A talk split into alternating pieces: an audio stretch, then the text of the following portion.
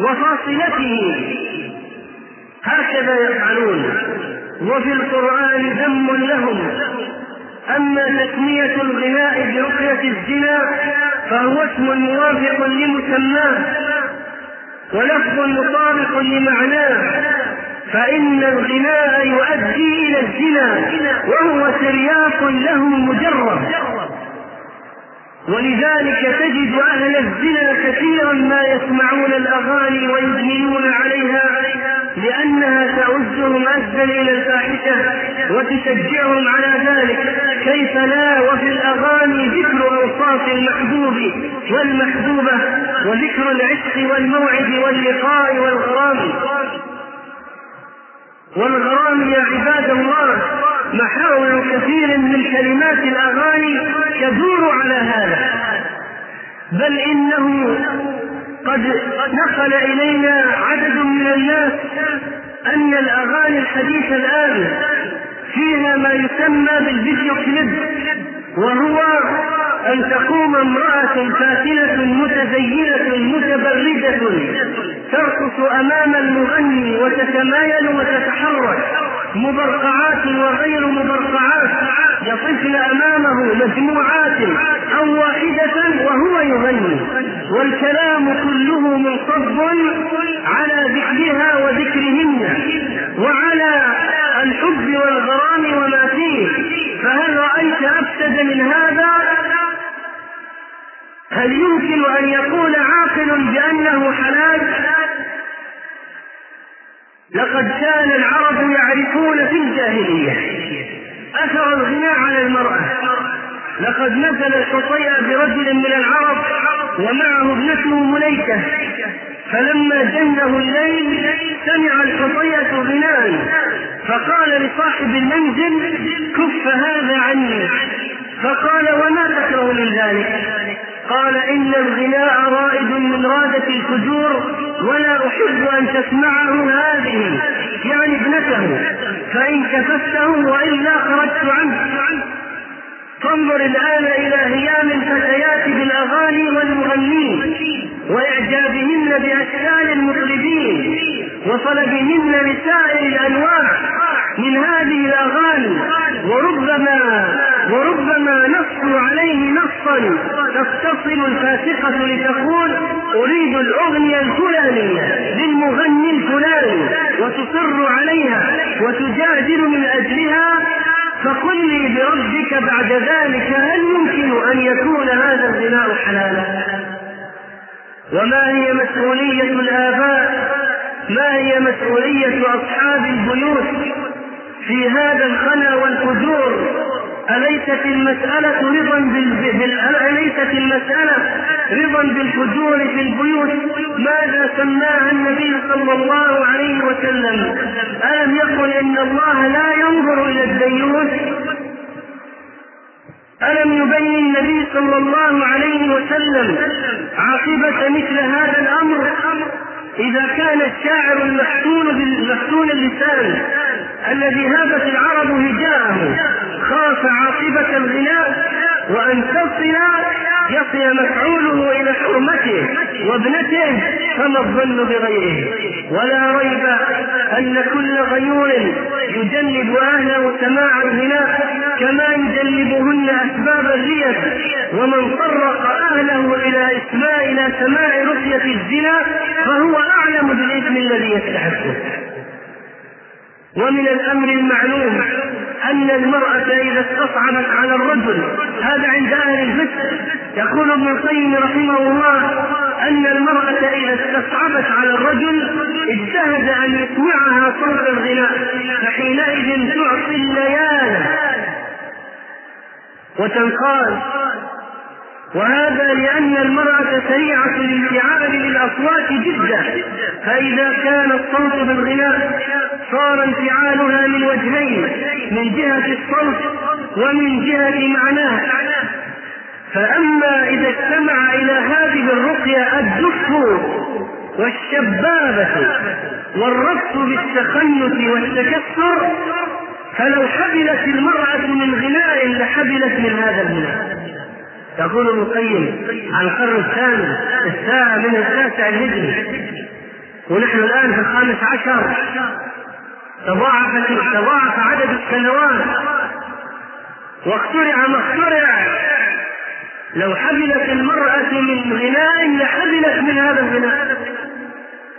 فلعمر الله كم من حرة صارت بالغناء من البغايا وكم من حر أصبح به عبدا للصبيان أو الصبايا وكم من غيول تبدل به اسما قبيحا بين البرايا وكم من ذي غنى وثروة أصبح بسببه على الأرض بعد المصارف والحشايا وكم من معاف تعرض له فأمسى وقد حلت به أنواع البلايا وكم أهدى للمشغوف به من أشجان وأحزان فلم يجد بدا من قبول تلك الهدايا.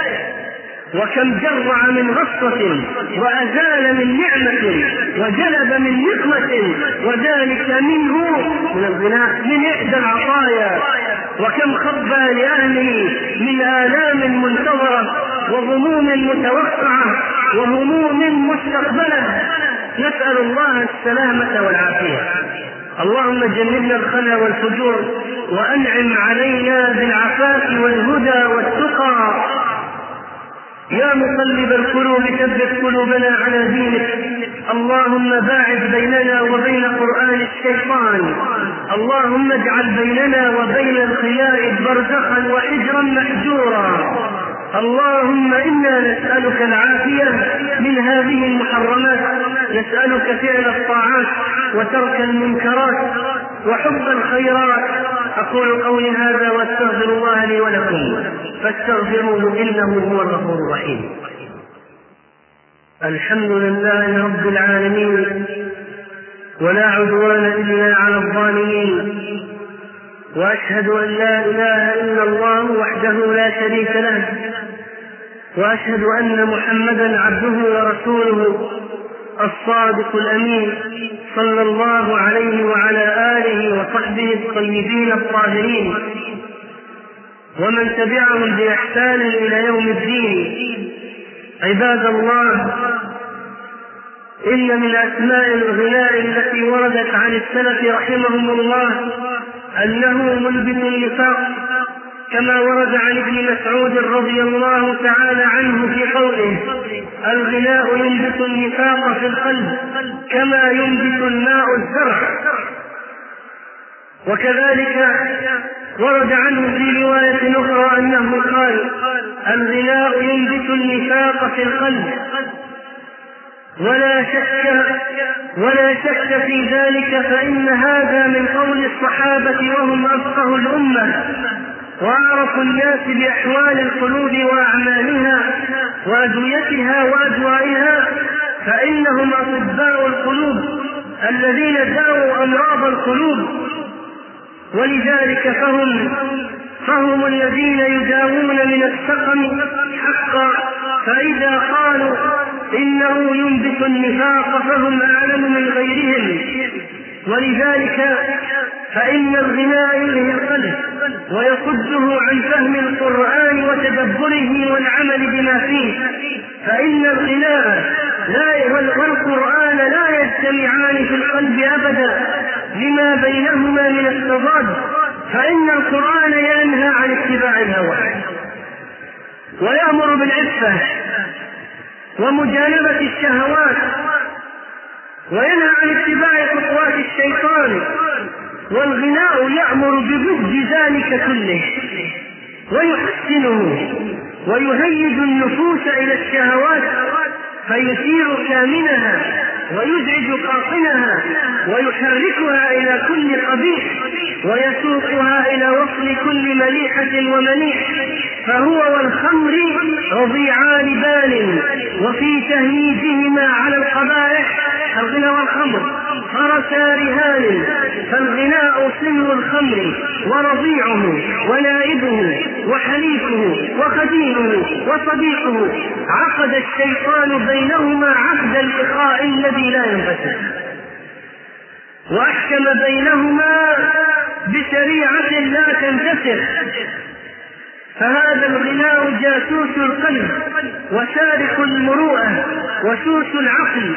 يتغلغل في مكامن القلب ويطلع على سرائر الأفئدة ويدب إلى محل التخيل. الغنى يدب إلى محل التخيل. محل التخيل في القلب والعقل. فيثير ما فيه من الهوى والشهوة والسخافة والرعونة. فبينما ترى الرجل وعليه سمة الوقار وبهاء العقل وبهجة الإيمان ووقار الإسلام وحلاوة القرآن فإذا استمع الغناء ووقع في الغناء وزينه له الشيطان واستجره إليه ومال إليه تجده قد نقص عقله وقل حياؤه وذهبت مروته وفارقه بهاؤه وتخلى عنه وحاره وفرح به شيطانه وشكى إلى الله تعالى إيمانه وثقل عليه قرآنه وقال القرآن في صدره لربه يا رب لا تجمع بيني وبين قرآن عدوك في صدر واحد. وتجد هذا الشخص قد استحسن ما كان قبل سماع الغناء يستقبحه وأبدى من سره ما كان يكتمه. وانتقل من الوقار والسكينة إلى كثرة الكلام والكذب فمال برأسه وهز من كبيه وضرب الأرض برجليه يصفق بيده تصفيق النسوان ويخور من الوجه ولا كخوار الثيران وهكذا يفعل الغناء فعله. في من انحط وسهل وانتكس ودخل في هذه المهانة. وأكثر ما يورث عشق الصور عشق الأشكال. الغناء الآن يزين الأشكال والصور. كيف لا والصور تعرض مع الأغنية؟ بهذه العيون الفاتنة ويزين الغناء للمرء استحسان الفواحش وإدمانها ويسكن القرآن على القلب فيكرهه يكره سماعه وسر المسألة. أن قرآن الشيطان لا يجتمع هو وقرآن الرحمن في قلب أبدا. لا تجد قلبا معمورا بالقرآن مفعما بالإيمان سباقا إلى المساجد. صاحبه يعمل بالطاعات ثم هو بعد ذلك مقيم على سماع الغناء. لا يمكن أن تجد ذلك أبدا النفاق مؤسس على الكذب والغناء من أكذب الشعر فيلتقيان ويهيجه والغناء أيضا هو قرآن الشيطان. قال قتادة رحمه الله لما أهبط إبليس قال يا رب لعنتني فما عملي؟ قال السحر. قال فما قرآني؟ قال الشعر. قال فما كتابي؟ قال الوشم قال فما طعامي؟ قال كل ميتة. قال فما شرابي؟ قال كل مسكر. قال فأين مسكني؟ قال الأسواق. قال فما صوتي؟ قال المزامير. قال فما مصايدي؟ قال النساء. وأما كون المزمار مؤذن الشيطان ففي غاية المناسبة. فإن الغناء قرآنه. والرقص والتصفيق صلاته. فلا بد لهذه الصلاة من مؤذن وإمام ومأموم. فالمؤذن المزمار والإمام المغني والمأموم الحاضرون. وهكذا صلاة الشيطان وقرآن الشيطان. ولذلك ولذلك فإنه يجتمع فيه من المفاسد أمر عظيم. قل لي بعد ذلك. هؤلاء الذين يقولون بأن الغناء منه ما هو حلال ومنه ما هو حرام. والموسيقى الهادئة حلال والموسيقى الصاخبة حرام. وغناء الرجال حلال وغناء النساء حرام. ويفرقون بين ما لم يفرق به الله ورسوله. ويفتون الفتاوى الرخيصة ويتابعهم الجهل ويطيرون بها في الآفاق ويجادلون بها في المجالس ويقولون الشيخ فلان قال والشيخ فلان أفتى ورخص فيه كذا وفلان وفلان. ثم نحن لم نستعرض بعد ما ورد في السنة من تحريم المعازف بأنواعها وجميع آلات له سواء ما ينفخ فيه أو يضرب أو يعزف بالأصابع. ثم لم نستعرض كلام أئمة المذاهب الأربعة وغيرهم فيه. ثم لم نذكر عددا من المفاسد ولم نذكر ما ورد عن المحدثين. وبعض من الكفرة في مساوئ آلات الطرب والموسيقى الصاخبة على الأذن والنفس وما تؤدي إليه.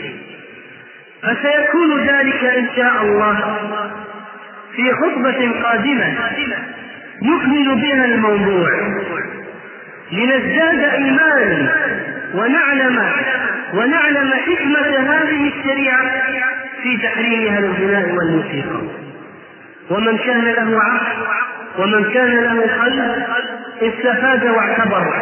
وأما المعاند المصر فلو جئته بالكتاب والسنة لإقناعه فتلوتهما عليه لم يكن لذلك من أثر ولا حرك فيه شعره نسأل الله أن يحيي قلوبنا بالقرآن وأن ينعم علينا بلباس الإيمان.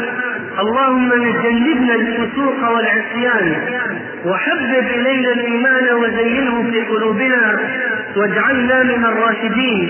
اللهم آمنا في الأوطان والدور وأصلح الأئمة وولاة الأمور واغفر لنا يا عزيز يا غفور. اللهم انصر المجاهدين واقمع أعداء الدين وانشر رحمتك على العالمين. إن الله يأمر بالعدل والإحسان وإيتاء ذي القربى وينهى عن الفحشاء والمنكر والبغي يعظكم لعلكم تذكرون فاذكروا الله العظيم الجليل يذكركم واشكروه على نعمه يزدكم ولذكر الله أكبر والله يعلم ما تصنعون. انتهت مادة هذا الشريط ويسرنا إكماله بهذه التلاوة أعوذ بالله من الشيطان الرجيم بسم الله الرحمن الرحيم. إن الذين يحبون أن تشيع الفاحشة في الذين آمنوا لهم عذاب أليم. لهم عذاب أليم في الدنيا والآخرة. والله يعلم وأنتم لا تعلمون. ولولا فضل الله عليكم ورحمته وأن الله رؤوف رحيم. يا أيها الذين آمنوا لا تتبعوا خطوات الشيطان. ومن يتبع خطوات الشيطان فإنه يأمر بالفحشاء والمنكر. ولولا فضل الله عليكم ورحمته ما زكى منكم من أحد أبدا. ولكن الله يزكي من يشاء. والله سميع عليم. ولا يأت لأولو الفضل منكم والسعة أن يؤتوا أولي القربى والمساكين والمهاجرين والمهاجرين في سبيل الله وليعفوا وليصفحوا. ألا تحبون أن يغفر الله لكم؟ والله غفور رحيم. إن الذين يرمون المحصنات الغافلات المؤمنات لعنوا في الدنيا والآخرة لعنوا في الدنيا والآخرة ولهم عذاب عظيم. يوم تشهد عليهم ألسنتهم وأيديهم وأرجلهم بما كانوا يعملون. يومئذ يوفيهم الله دينهم الحق ويعلمون أن الله هو الحق المبين الخبيثات للخبيثين والخبيثون للخبيثات والطيبات للطيبين والطيبون للطيبات أولئك مبرؤون مما يقولون لهم مغفرة ورزق كريم يا أيها الذين آمنوا لا تدخلوا بيوتا غير بيوتكم حتى تستأنسوا حتى تستأنسوا وتسلموا على أهلها. ذلكم خير لكم لعلكم تذكرون. فإن لم تجدوا فيها أحدا فلا تدخلوها حتى يؤذن لكم. وإن قيل لكم ارجعوا فارجعوا هو أزكى لكم. والله بما تعملون عليم. ليس عليكم جناح أن تدخلوا بيوتا غير مسكونة فيها متاع لكم. والله يعلم ما تبدون وما تكتمون.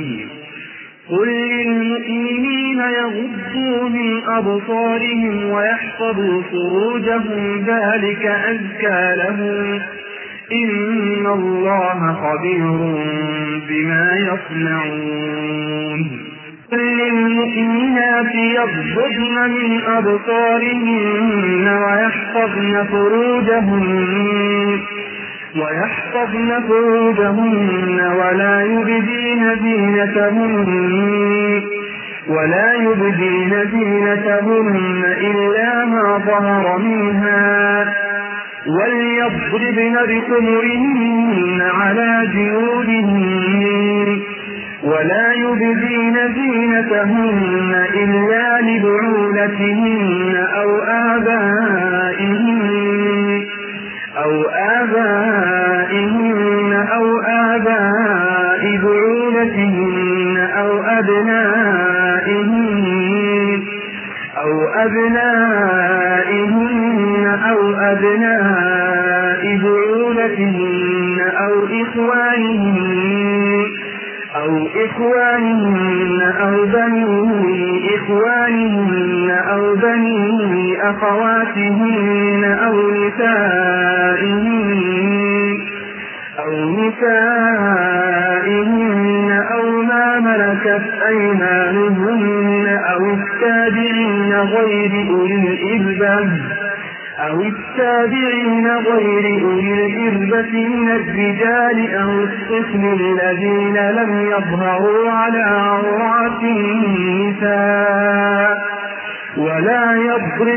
يضربن بأرجلهن ليعلم ما يخفين من زينتهن. وتوبوا إلى الله جميعا أيها المؤمنون لعلكم تفلحون.